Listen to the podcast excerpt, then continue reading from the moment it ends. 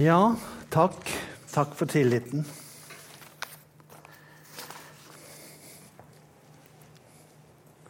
Vi starter med å lese teksten.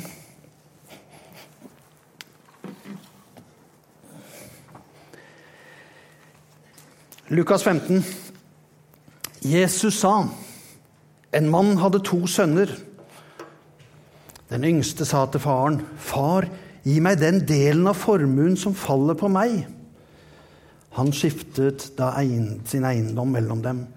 Ikke mange dager etter solgte den yngste sønnen alt sitt og dro til et land langt borte. Der sløste han bort formuen sin i et vilt liv. Men da han hadde satt alt over styr, kom det en svær hungersnød over landet, og han begynte å lide nød. Da gikk han og søkte tilflukt hos en av innbyggerne i dette landet, og mannen sendte han ut på markene sine for å passe grisene. Han ønsket bare å få mette seg med de belgfruktene som grisene åt, og ingen ga ham noe. Da kom han til seg selv og sa, Hvor mange leiekarer hjemme hos min far har ikke mat i overflod, mens jeg går her og sulter i hjel? Jeg vil bryte opp og gå til min far og si, Far, jeg har syndet mot himmelen og mot deg. Jeg fortjener ikke lenger å være sønnen din, men la meg få være som en av leiekarene dine. Dermed brøt han opp og dro hjem til faren. Da han ennå var langt borte, fikk faren se han og han fikk inderlig medfølelse med ham. Han løp sønnen i møte, kastet seg om halsen på han og kysset ham. Sønnen sa, 'Far, jeg har syndet mot himmelen og mot deg.' 'Jeg fortjener ikke lenger å være sønnen din.' Men faren sa til tjenerne, 'Skynd dere, finn fram de fineste klærne og ta dem på ham.' 'Gi ham ring på fingeren og sko på føttene, og hent gjøkalven og slakt den.' 'Så vil vi spise og holde fest.' For denne sønnen min var død og er blitt levende. Han var kommet bort og er funnet igjen. Og så begynte festen og gleden. Imens var den eldste sønnen ute på markene. Da han gikk hjemover og nærmet seg gården, hørte han spill og dans. Han ropte på en av karene og spurte hva er det som er på ferde. Din bror er kommet hjem, svarte han. Og din far har slaktet gjøkalven fordi han har fått ham tilbake, tilbake i godt behold. Da ble han sint og ville ikke gå inn. Faren kom ut og prøvde å overtale ham. Men han svarte faren, 'Her har jeg tjent deg i alle år, og aldri har jeg gjort imot ditt bud.' 'Men meg har du ikke engang gitt et skje så jeg kunne holde fest med vennene mine.' Men straks denne sønnen din kommer hjem, han som har sløst bort pengene dine sammen med horer, da slakter du gjøkalven for ham. Faren sa, 'Barnet mitt, du er alltid hos meg, og alt mitt er ditt.'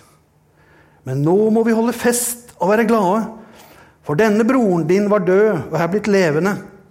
Han var kommet bort og er funnet igjen.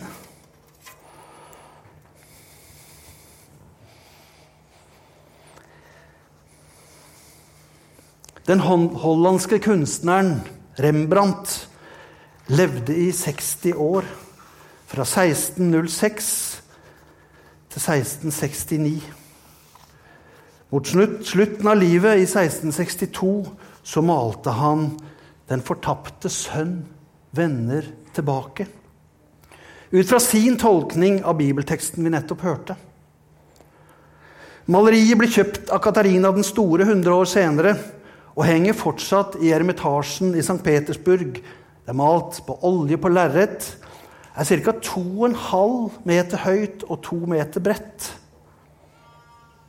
I sine yngre år var Rembrandt en fremgangsrik, berømt, stolt, selvsikker og ganske arrogant herremann. Han sløste bort mye av pengene sine på barer i Amsterdam. Når han malte 'Den fortapte sønn vende hjem', vender tilbake, var hans livssituasjon en ganske annen. Maleren hadde erfart mye smerte når han skapte dette. Fire av fem av hans barn døde før ham. Hans første kone døde, og maleren endte livet i økonomisk ruin. Et sitat om Rembrandt sier det slik man må ha møtt mye motgang og grått mange tårer for å kunne male et portrett av en så totalt ydmyk Gud. Forfatteren Henry Nowen har skrevet om bibelteksten og maleriet. Denne boka anbefales. Hvis du ønsker å se mer av deg selv, mer av evangeliet, mer av Gud.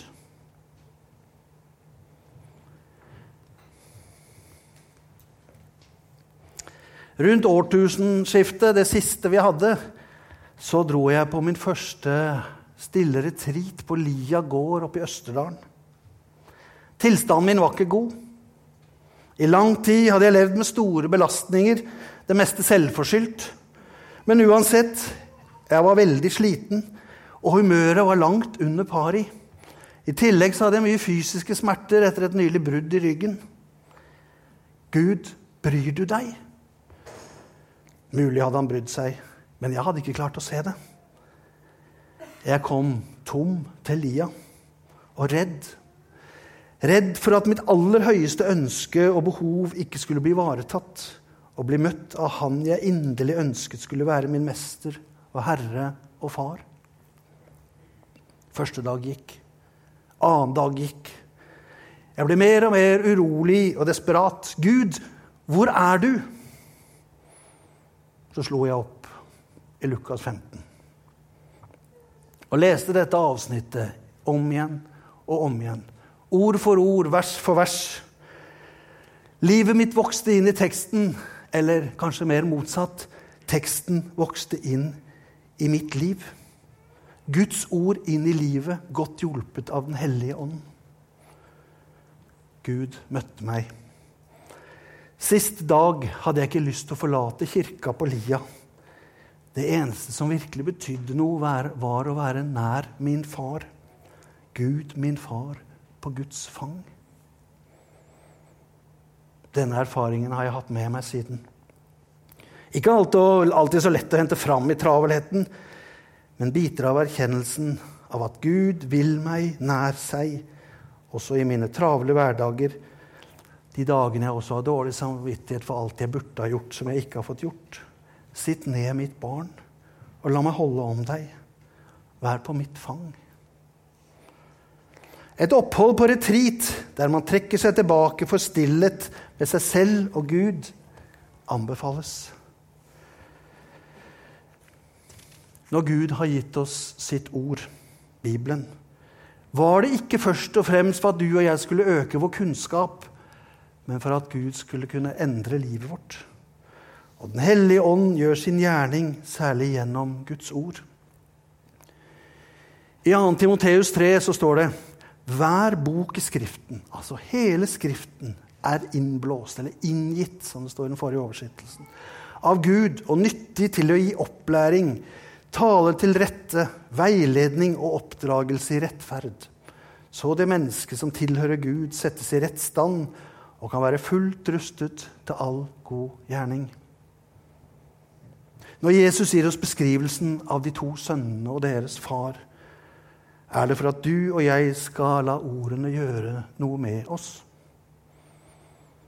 Skape frukt. Jesus ville inspirere oss til å endres til å bli enda mer lik vår Herre og Mester, vår Far, og utrustes til all god gjerning. La oss ha det som fokus når vi nå går inn i teksten.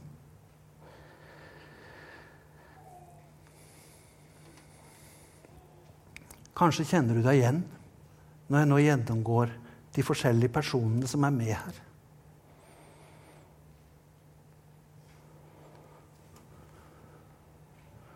den yngste sønnen.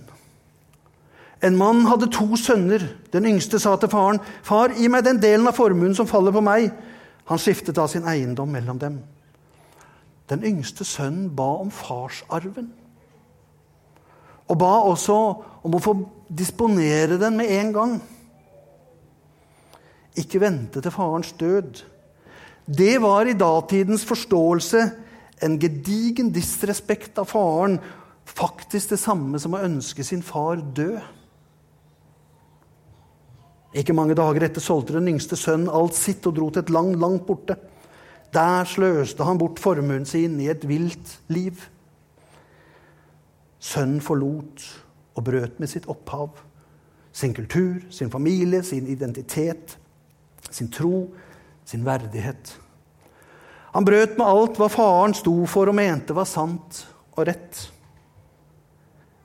Mannen valgte å leve langt, langt der borte både fysisk og verdimessig. I sterk kontrast i sin oppvekst uten de verdier og gudsfokus som hans far hadde lært ham.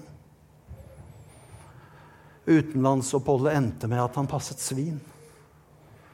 Som for han var urenheten selv.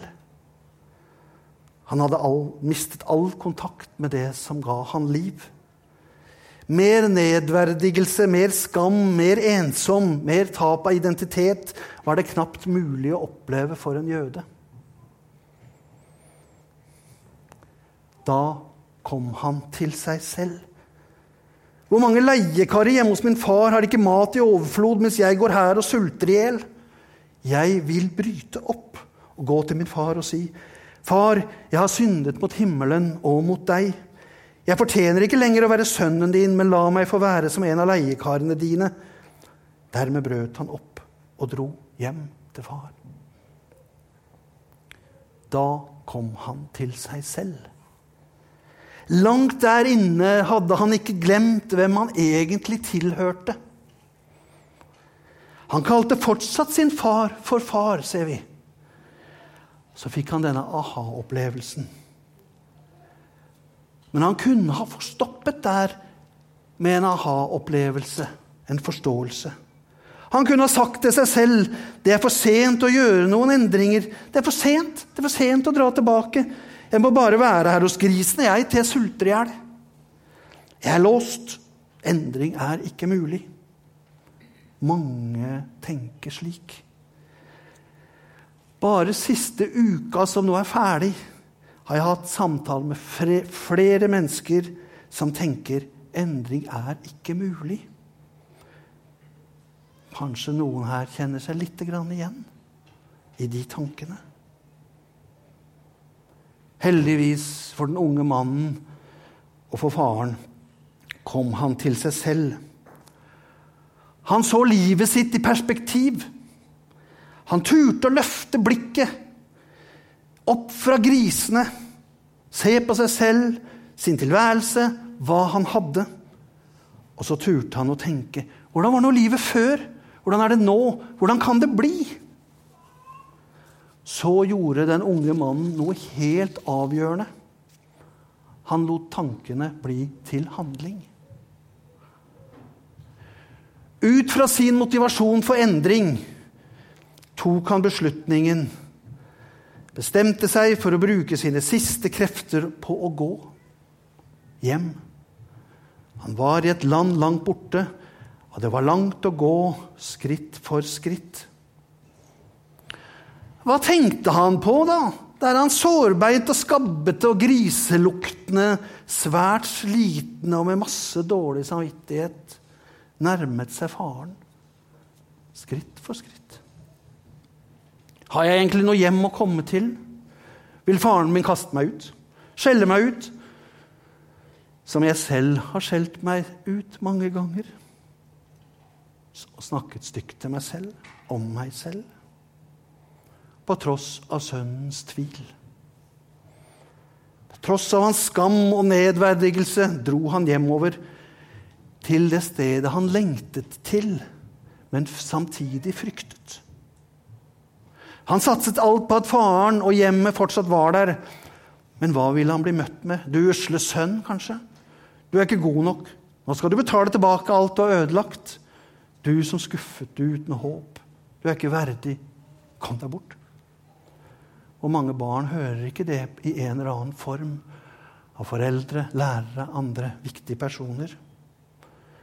Hva gjør det med oss å bli fordømt, selv om vi fortjener det? Og hvor lett er det ikke å si det til oss selv? Self-talk. Fordømme seg selv. Jeg er veldig godt kjent med det. På hjemveien øvet han på det han ville si til sin far. Han øvet på bekjennelsen. Han øvet på å tørre å si det avgjørende ordet. Far. Min far. Det satt langt inne. Kanskje kan vi lære noe av han i hans øvelse. Gud, min far. Hva hadde han ellers å gi til sin far, annet enn seg selv og bekjennelsen om sitt liv? Han satset det han hadde igjen i livet, på at det fortsatt fantes en far. Kanskje drømte han langt der bak at faren kan tilgi meg. Men slike tanker om farens gode ord og omfavnelse ble raskt overøst av de selvfordømmende, nedverdigende ordene han sa til seg selv. Men han gikk i håp om å bli farens tjener. I håp om i alle fall å møte litt barmhjertighet.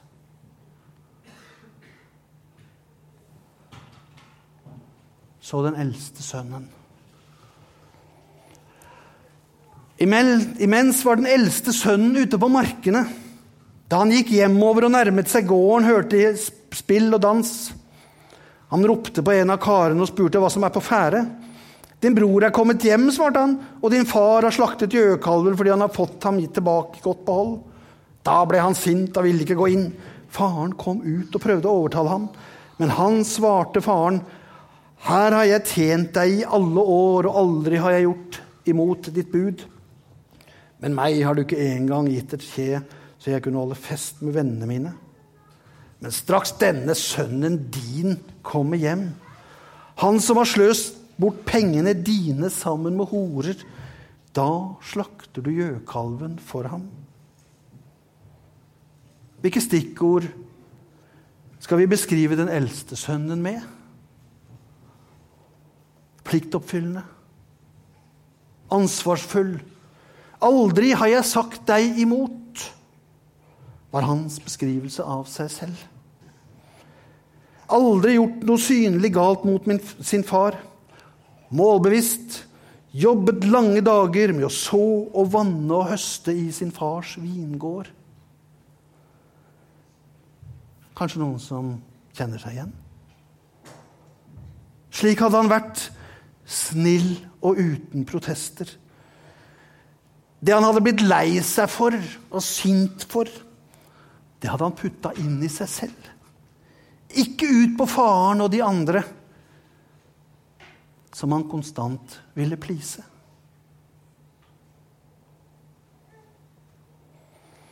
Men helt uten forvarsel skjedde det noe som skikkelig rystet hans rettferdighetssans Broren kom igjen hjem, og den eldste sønnen gikk, fikk raskt erkjenne sine tanker og følelser i møte med farens behandling av den dumme lillebroren.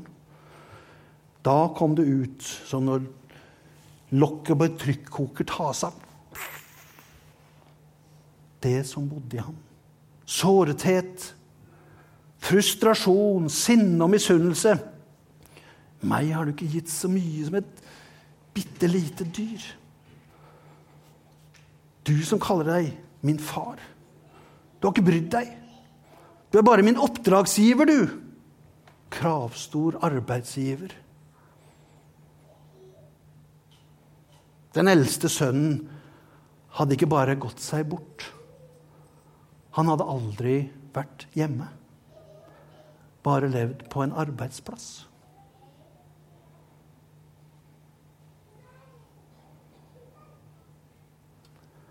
Han ville ikke engang erkjenne sin bror og det livet han hadde levd, når han sier 'denne sønnen din'. Da avviser han jo samtidig sin far. Ja, han hadde fysisk bodd hjemme. Tilhørt familien, tilhørt menigheten, gått på møter, lagt ansiktet i de riktige folder. Når han måtte det. men var vel egentlig minst like bortkommen.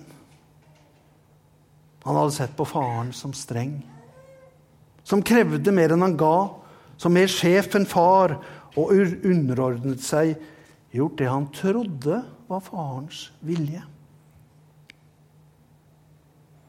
Men hadde han spurt faren? Hadde han spurt om et dyr han kunne slakte for å holde fest med vennene sine? Det virket ikke som han hadde forstått at alt faktisk tilhørte ham. Det var jo hans arv, alt sammen. Og så virket det ikke som relasjonen og kommunikasjonen hadde vært det beste mellom far og sønn. Så har jeg fundert en del over at det tror jeg faktisk er begges ansvar. Det må jeg fundere over noen år til.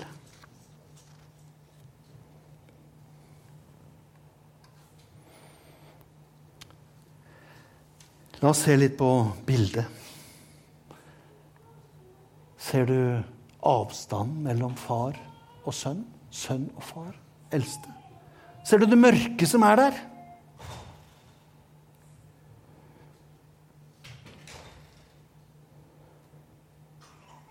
Blikket, åssen er det? Ikke mye smil. Kanskje mer fordømmelse. Lyset i ansiktet hans, det er bare der. Det brer seg liksom ikke ut sånn som det gjør fra faren til den yngste sønnen. Den eldste sønnen, som i det ytre hadde vært hjemme, gjort det han trodde var farens ønsker.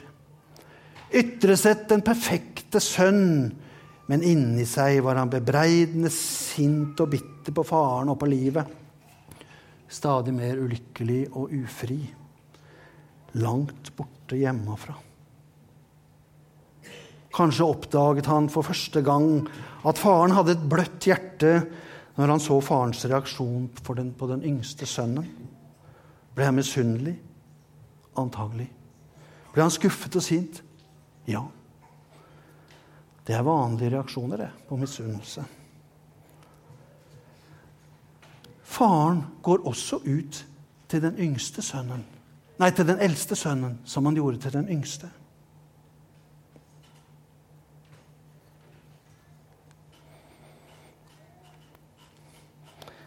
Hva med oss? I denne salen er det mange pliktoppfyllende, gode kristne arbeidere i Guds rike. Så bra! Gud er glad for hver arbeider i hans rike. Gud lengter etter sunne arbeidere. Men er Gud arbeidsgiver eller alltid nådig far med ubetinget kjærlighet? Kjenner vi arven Gud har gitt oss som sine barn? Som gir oss identitet og en alltid værende visshet om at jeg er god nok for min far? Kjenner vi arven som vi allerede kan disponere hver eneste dag? Kanskje vi vet om den, har lest om den eller hørt en tale herfra, men ikke benyttet den noe særlig? Det er lett å oppdage at den knelende sønnen hadde vært hjemmefra. Det er mye vanskeligere å oppdage at vi som aldri i det ytre har reist, kanskje heller ikke er hjemme hos far. Hvor er du på maleri? Vi er fri. Fri til å fortsette med en avmålt himmel i livet. Kanskje ikke så smart men veldig vanlig også for gode kristne. Heldigvis er gudsarven der allerede. Nå. Johannes 5 sier. Sannelig, sannelig, jeg sier dere, den som hører mitt ord og tror på ham som har sendt meg, han har står ikke 'vil få'. Han har, hun har evig liv. Kommer ikke for dommen, men er gått over fra døden til livet.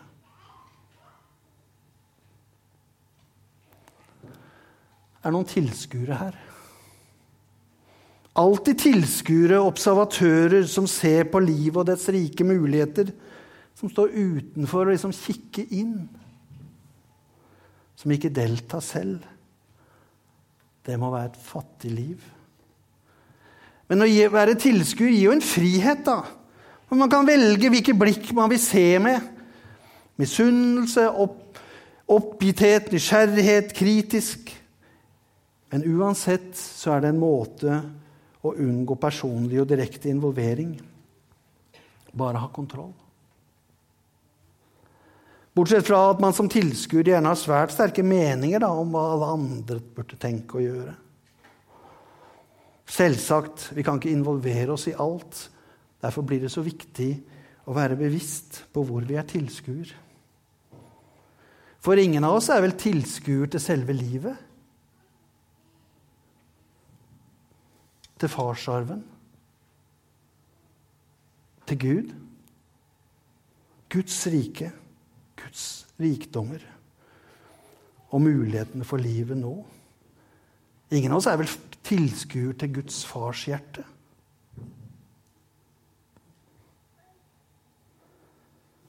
Eller er det tryggest å høre om Guds inngripen alle andre steder, i andre mennesker, og selv stå der som den eldste sønnen. Han som hadde alle fars goder, men aldri hadde tatt imot alt han egentlig hadde, som sønn av sin far. Det er vel ingen av oss som tenker slik.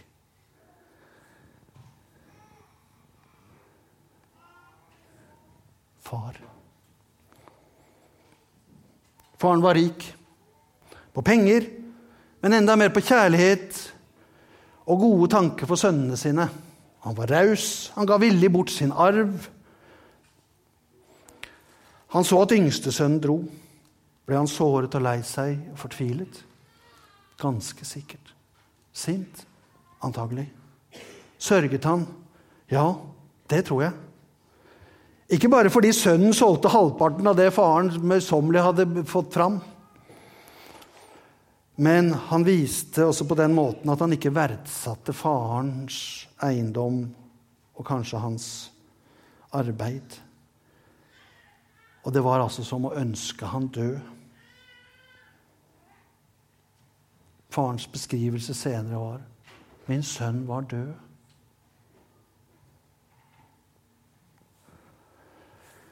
Da han ennå, sønnen, var langt borte, fikk faren se ham. Og han fikk inderlig medfølelse for han. Han løp sønnen i møte, kastet seg om halsen på han, kysset han. Sønnen sa, 'Far, jeg har syndet mot himmelen og mot meg.' Det hadde han øvd seg på. 'Jeg fortjener ikke lenger å være sønnen din.' Men faren sa til tjenerne sine, 'Skynd dere! Fort dere! Finn fram de fineste klærne og ta dem på ham. Gi ham ring på fingeren og sko på føttene. Og hent gjøkalven og slakt den. Så vil vi spise og holde fest. For denne sønnen min var død og er blitt levende. Han var kommet bort og er funnet igjen. Og så begynte festen og gleden.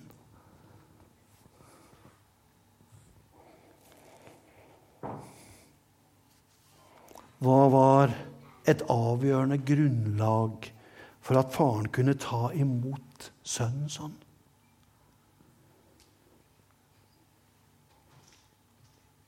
Han hadde tilgitt ham.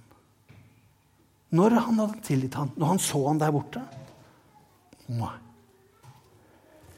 Lenge før. Og sånn er det med tilgivelse. Den er veldig ofte ensidig.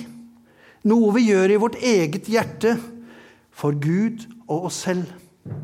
Vi tilgir for oss selv, for selv å bli fri fra lysten til å ta igjen, for å unngå bitterhet som binder, for å kunne vise kjærlighet.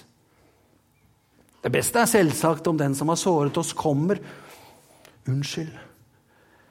Men det skjer ikke alltid. Tilgivelse skjer i vårt eget hjerte og sinn, vår egen beslutning.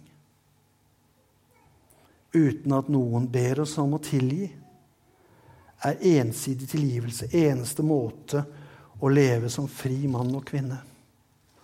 Å kunne komme noen i møte som har såret oss. Tilgivelse er også avgjørende for å leve på fars fang. Faren så etter sønnen. Faren kom ham i møte. Diltende? Løpende. Han hadde tydeligvis lengtet etter han. Og mannen var klok. Han formidlet sin kjærlighet ved ord, omfavnelse, fest og oppriktig glede. Måter sønnen forsto. Stilte faren kritiske spørsmål? Er det noen som har sett det? Nei. Faren ga barmhjertighet, tilgivelse, nytt liv. Han viste sønnen at han tilhørte han. Han ønsket han tett inntil seg forsone sitt barn med seg selv, med Gud som far. Så ga han han ny identitet. Gi ham ring på fingeren. Identiteten vår bestemmer hva vi innerst inne tenker om oss selv, og disse tankene de styrer andre tanker og følelser over hvordan vi handler. Jeg går med ring. Irene og min giftering har jeg aldri tatt av meg. Den gir meg identitet til meg selv og til de som ser den. I datidens samfunn var ringen tegn på personens identitet, hvem man tilhørte, hvilke muligheter man hadde i livet. Sønnen hadde mistet eller solgt eller kasta denne identiteten. Nå fikk han en ny. Det ga han identitet og muligheter som sønn av sin far.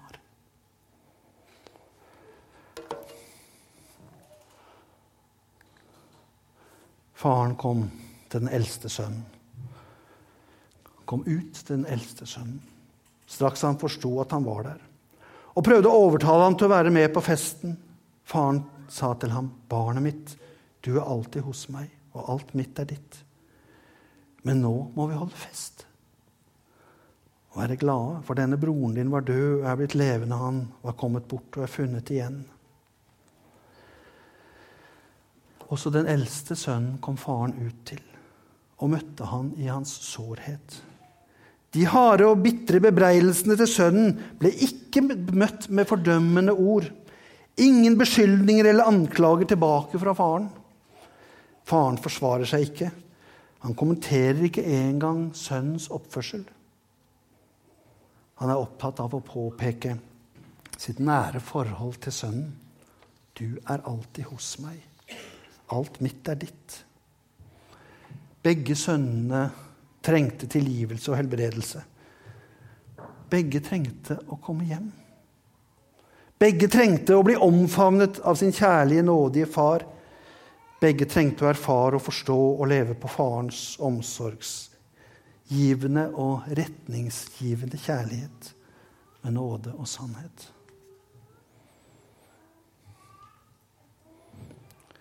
Både bibelteksten og maleriet viser oss at det var vanskeligst for den eldste sønnen å komme hjem. Han som trodde han hadde vært hjemme hele tiden. Og teksten sier oss faktisk ikke hva som skjer med han videre.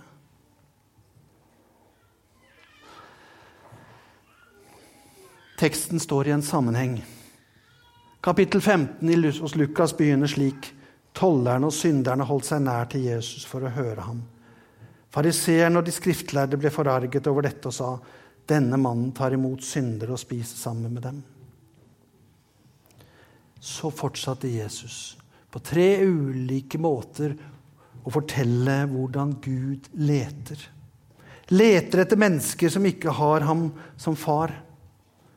Han leter etter de av oss som er langt hjemmefra, og han leter etter de av oss som er hjemme, er i menigheten, som vet at Gud tilgir, men som fortsatt innerst her inne lever etter en forståelse av at Gud gir sin kjærlighet tilmålt etter hva jeg gjør, hvor vellykket jeg er som kristen.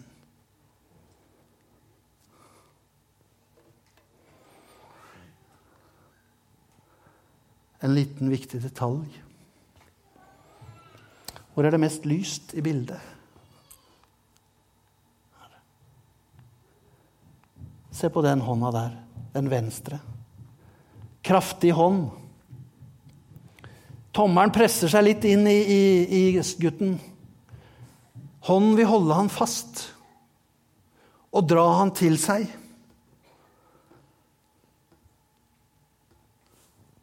Den andre hånden, da? Mye tynnere.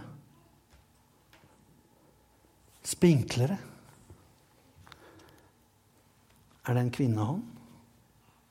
Som ligger trygt på sønnens rygg som tegn på trøst og omsorg.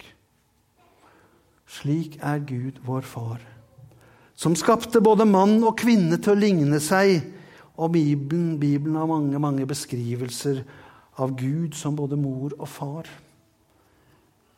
Det er fanget vi inviteres til. Gud ønsker inderlig at vi alle er der som den yngste sønnen, nær far på fars fang. Nær kilden til ubetinget kjærlighet. Nær ordene 'Du er min elskede, som jeg har behag i'. Du er god nok. Jeg elsker deg på tross av.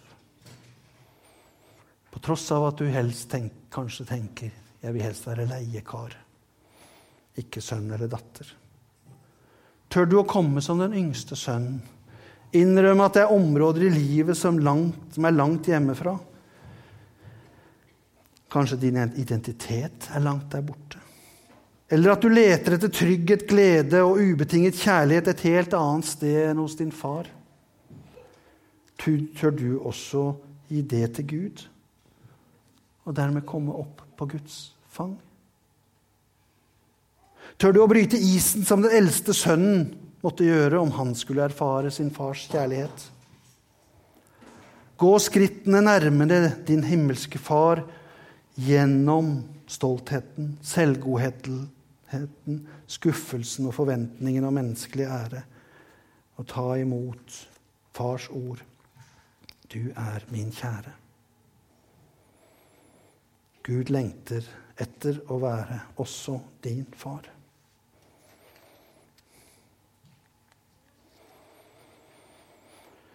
Selv om vi gjør krav på identiteten som Guds barn, er det så lett å leve som om Guds nåde og kjærlighet er betinget.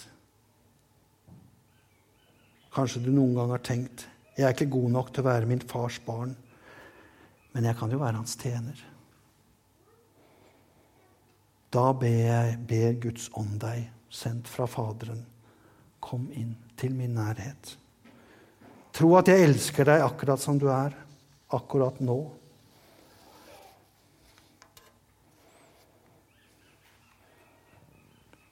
Begge sønnene snakker om å fortjene.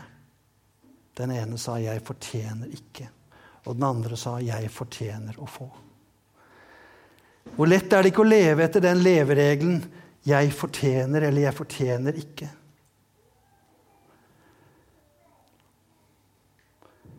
Kjærlighet er det helt, helt motsatte. Jeg får ikke på grunn av, men på tross av. Nåden er tydeligst når vi fortjener den minst. Utfordringene du og jeg har, er å gjøre livet til en bolig der Gud trives. Der han får gi oss sin kjærlighet, sin tilgivelse. Nøkkelen til det er at du og jeg tør å satse på at Gud er. På tillit til Gud far. Satse på at han tar imot oss med ubetinget kjærlighet.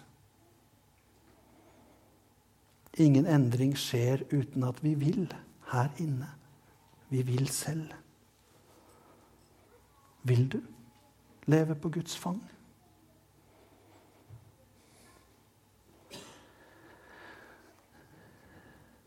Svært mange mennesker lever med daglig uro.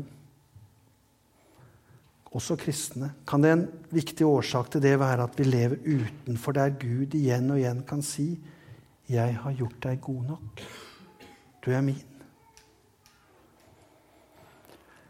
Egentlig så reiser jeg hjemmefra hver gang jeg mister troen på at jeg er den elskede. Hver gang jeg prøver å finne kjærligheten et annet sted.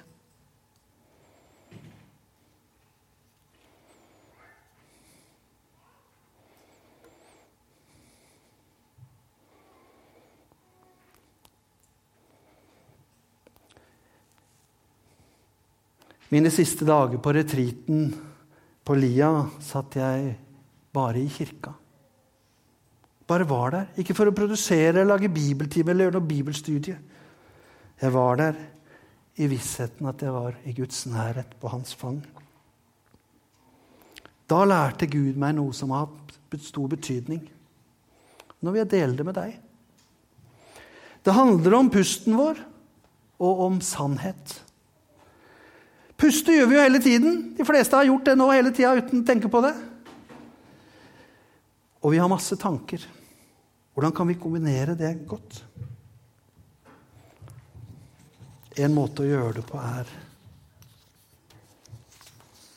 på innpust si Gud, min far, som en sånn stadfestelse. Og på utpust si jeg, hans barn. Gud, min far, jeg er hans barn. Kan du være med? Trekk pusten inn. Gud, min far, jeg er hans barn. Gud, min far, jeg er hans barn. Da trekker vi sannheten inn, og så formidler vi til oss selv, høyt eller stille. Jeg er hans barn. Eller jeg er hans sønn, jeg er hans datter.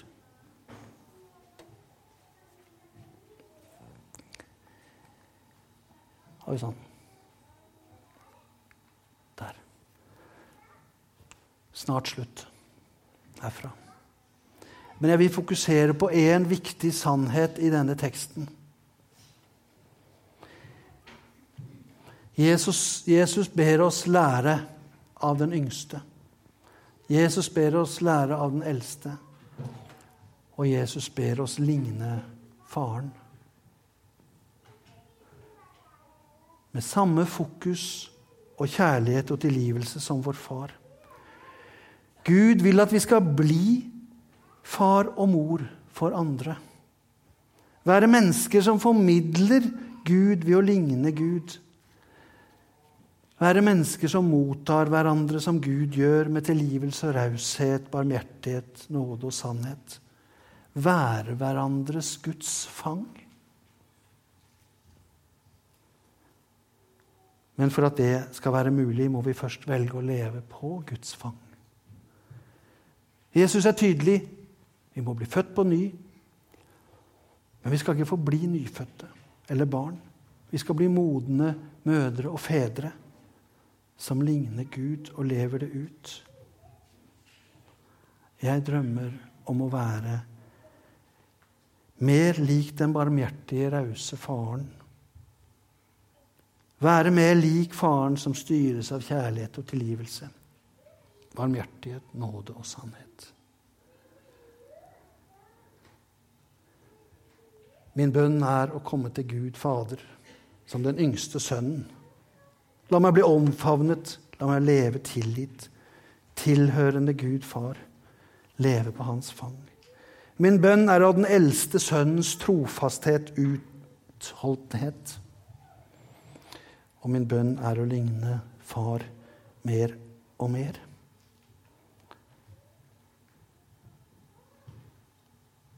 Et minutts stillhet, så tar vi litt musikk etter hvert.